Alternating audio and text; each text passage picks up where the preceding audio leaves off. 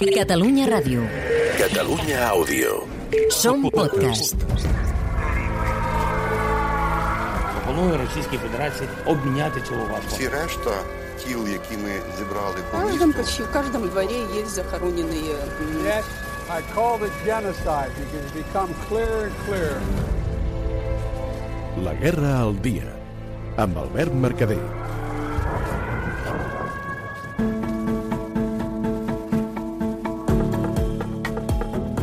Hola a tothom.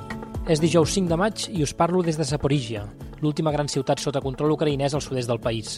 Un dia en què l'actualitat de la guerra continua centrada en l'evacuació de la planta siderúrgica d'Azovstal, a Mariúpol. Bé, més aviat en la no evacuació, perquè una vegada més, Ucraïna acusa Rússia de no haver respectat l'alto al foc per acabar de treure els civils que hi ha atrapats. Escolteu l'acusació que fa un dels soldats que hi ha a la planta. Fa tres dies que l'enemic va irrompre al territori Azovstal, on continuen els forts combats sagnants. Un cop més, els russos van violar la promesa d'una treva i no van permetre l'evacuació de civils, que continuen amagant-se dels bombardejos al territori de la planta. Que l'evacuació no va com hauria d'anar també us ho podem confirmar nosaltres. Perquè, com us deia, avui us parlem des de Saporígia. Hem vingut fins aquí perquè és el lloc d'arribada del corredor humanitari que surt de Mariúpol. El punt de trobada és el pàrquing d'un centre comercial als afores de la ciutat. Aquí, una carpa improvisada serveix com a primer refugi segur després de jornades maratonianes de viatge. Aquí se'ls fa la primera atenció mèdica, psicològica i sobretot logística. Són escenes que ens traslladen de ple el que es vivia els primers dies de guerra a la frontera amb Polònia. La diferència, però, és la gran quantitat de dolor que aquesta gent carrega a la motxilla. La gran majoria, una altra vegada, són dones i nens, com la Sònia. Té 21 anys i està sola. Vivia al centre de Mariúpol. El meu apartament va ser destruït, com la major part de la ciutat. No hi havia menjar ni aigua. Anàvem a les botigues que havien quedat destrossades i agafàvem l'aigua d'allà. Amb el menjar fèiem el mateix. La meva mare i la meva àvia van poder fugir. Amb el meu pare hi van perdre el contacte el 3 de març. Crec que va aconseguir marxar, però encara no he pogut contactar amb ell des de fa més de dos mesos. Una mica més enllà hi ha el Maxim. Ell té 19 anys i acaba d'arribar amb la seva mare. Ens acostem a ells mentre mengen una mica de sopa en un plat de cartró. Там, в принципе, украинские военные... Des de principis de març no hi havia electricitat. Després ens vam quedar també sense gas. Havíem de cuinar al carrer. No paraven de bombardejar. En un dels bombardejos em vaig fer aquesta ferida que tinc al braç. Per fi, al final, ens han pogut evacuar i hem pogut arribar fins aquí. Россию или там. Ну, вот так вот.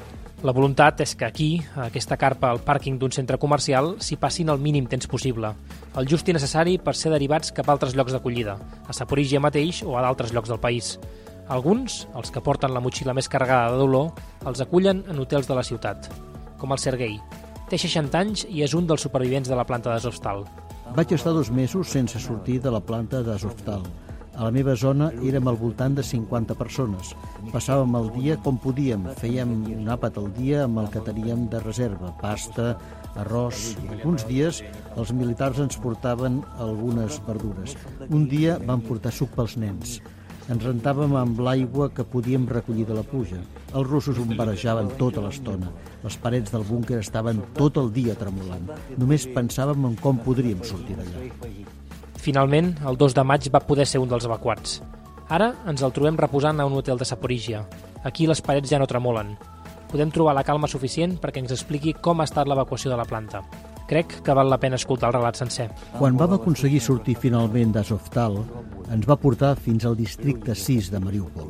Un cop allà, els militars ucraïnesos que ens acompanyaven van girar cua i van tornar cap a la planta. Llavors nosaltres vam creuar caminant fins a la zona de l'exèrcit rus. Allà els soldats ens anaven agafant un per un, ens tancaven en una habitació, miraven si teníem marques a l'espatlla d'haver carregat armes o d'haver portat armilla antibales. També ens miraven els dits per si teníem durícies d'haver disparat. Ens interrogaven sobre qui érem, què hi fèiem al búnquer, què sabíem dels militars. Intentaven extreure'ns tota la informació que podien. Així hi vam estar unes 6 hores.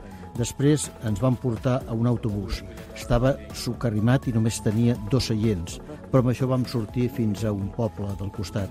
Allà ens van separar. Els homes ens van deixar dormint a l'autobús i es van emportar les dones. Van dormir al terra d'una escola. No sé què va passar allà. L'endemà al matí vam reprendre el trajecte.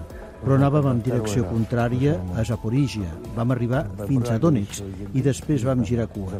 Crec que vam fer un recorregut diferent perquè no poguéssim donar pistes de les posicions de l'exèrcit rus en aquella zona.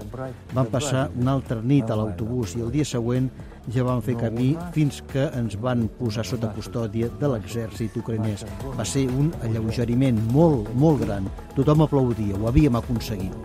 Ho havien aconseguit. És un dels que pot explicar al món l'horror de Mariúpol. Però encara queda una incògnita. Què passarà amb tota la gent que hi queda dins? A Saporígia, avui hi retrona aquest prec. Save Mariupol! Save Azovstal! Save Azovstal! Save Azovstal! Save Azovstal! Save Azovstal!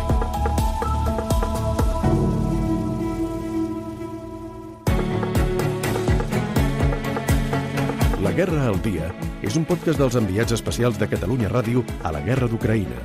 Josep Plazas, Carla Verdés i Albert Mercader. Catalunya Ràdio. Catalunya Àudio. Som podcast.